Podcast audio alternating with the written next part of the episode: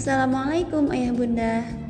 Semoga Ayah Bunda dalam keadaan sehat dan tetap semangat dalam mengasuh dan mendidik anak-anak kita menjadi solih dan solihah. Suara fosis kali ini kita akan membahas tentang bersahabat dengan anak. Dalam sebuah hadis yang diriwayatkan At-Tirmizi disebutkan bahwa Sebaik-baik kalian adalah yang paling baik terhadap keluarganya, dan akulah yang paling baik di antara kalian dan bermuamalah dengan keluargaku. Jelas sekali hadis ini menyerukan kita ayah bunda untuk senantiasa berhubungan dengan keluarga kita dengan baik, terutama bersahabat dengan anak-anak kita karena bersahabat dengan anak merupakan hal penting yang harus bisa dilakukan oleh setiap orang tua.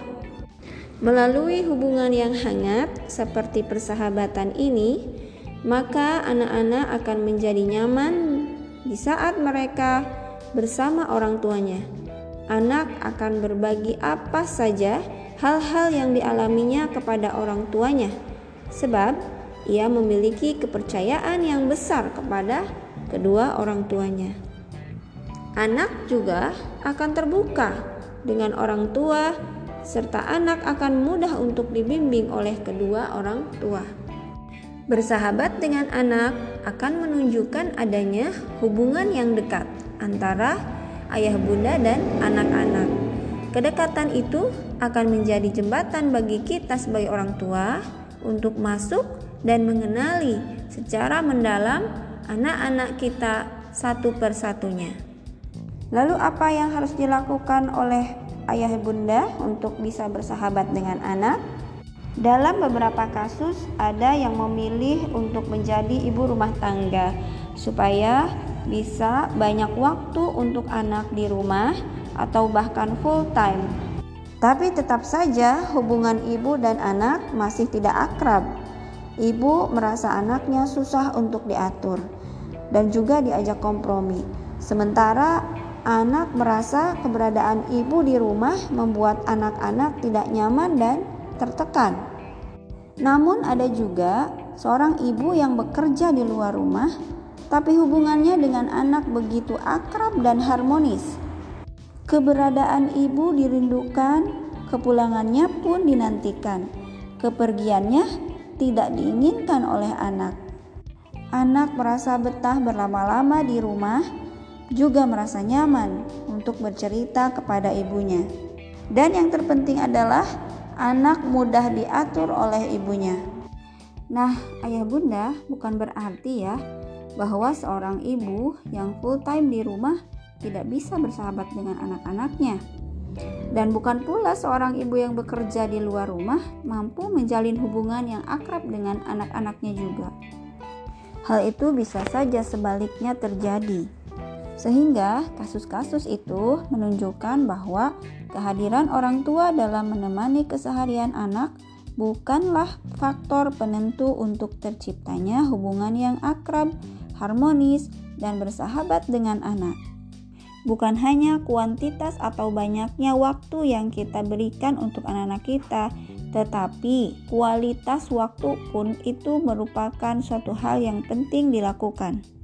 Ketika membersamai anak, menyediakan diri sepenuhnya untuk anak-anak kita, kualitas waktu lebih penting daripada kuantitas waktu. Kualitas berarti bisa dinilai apakah dengan penggunaan waktu bersama anak itu sudah tercipta hubungan yang akrab dan harmonis ataukah tidak. Sedangkan kuantitas hanya menunjukkan seberapa banyak waktu yang tersedia bagi orang tua dan anak untuk bersama. Bisa jadi orang tua yang tadi sibuk bekerja memahami betul bahwa kuantitas waktunya bersama anak sangat kecil, tapi dia kemudian tidak menyanyiakan kualitas waktunya bersama anaknya. Sehingga ketika ia bersama anak, dia benar-benar menyediakan diri untuk anak-anaknya dengan segala usahanya untuk membuat anaknya nyaman dengan dirinya. Begitu pula dia mengusahakan kehangatan komunikasi meski selalu disibukkan oleh pekerjaannya. Karena komunikasi di masa sekarang tidak hanya bisa dilakukan secara langsung, tetapi bisa dengan chat ataupun telepon dan lain sebagainya. Jadi bersahabat dengan anak itu mensyaratkan adanya hubungan yang akrab antara orang tua dan anak. Bersahabat di sini dimulai dari hubungan keakraban yang dibangun oleh anak dan orang tua. Menciptakan keakraban dalam keluarga tidaklah secara instan ya ayah bunda. Keakraban adalah hasil dari perjalanan hubungan yang baik dalam keluarga selama beberapa tempo waktu. Aspek yang paling penting juga adalah kualitas komunikasi yang dibangun dalam keluarga itu sendiri. Kualitas komunikasi akan menciptakan hubungan yang hangat dan intim dalam keluarga. Komunikasi yang digunakan pun haruslah komunikasi yang sangat efektif. Dibuktikan dengan komunikasi dua arah.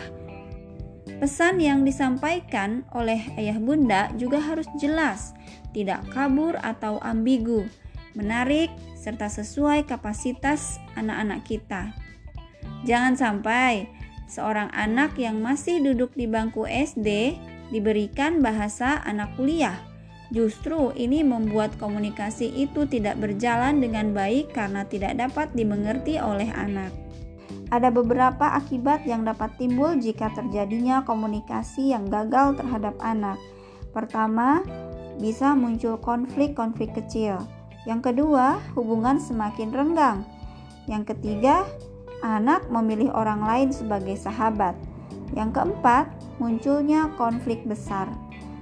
Yang kelima, frustasi orang tua dan anak akan terjadi. Dan akhirnya yang keenam adalah rusaknya masa depan anak serta bangsa. Agar keakraban dalam komunikasi tetap terjaga, ayah bunda bisa menghilangkan pikiran negatif lebih dulu, berbicara dalam posisi yang netral, kemudian menghindari pembicaraan saat marah atau dengan suara yang tinggi atau keras, serta juga menghentikan kebiasaan buruk ketika berbicara seperti prasangka yang berlebihan atau justifikasi negatif terhadap anak kita. Tidak lupa kita harus selalu bercermin ya, ayah bunda, dengan segala kondisi dari setiap komunikasi yang kita lakukan dengan anak kita. Apakah anak-anak kita tipe yang pemalu, tipe pemarah, atau cerewet? Itu adalah merupakan refleksi diri memudahkan yang akan memudahkan orang tua untuk berkomunikasi. Nah, Ayah Bunda, barangkali hal ini yang bisa saya sampaikan untuk suara fosis kali ini. Semoga bermanfaat bagi Ayah Bunda. Akan kita lanjutkan di bulan depan, insya Allah. Wassalamualaikum warahmatullahi wabarakatuh.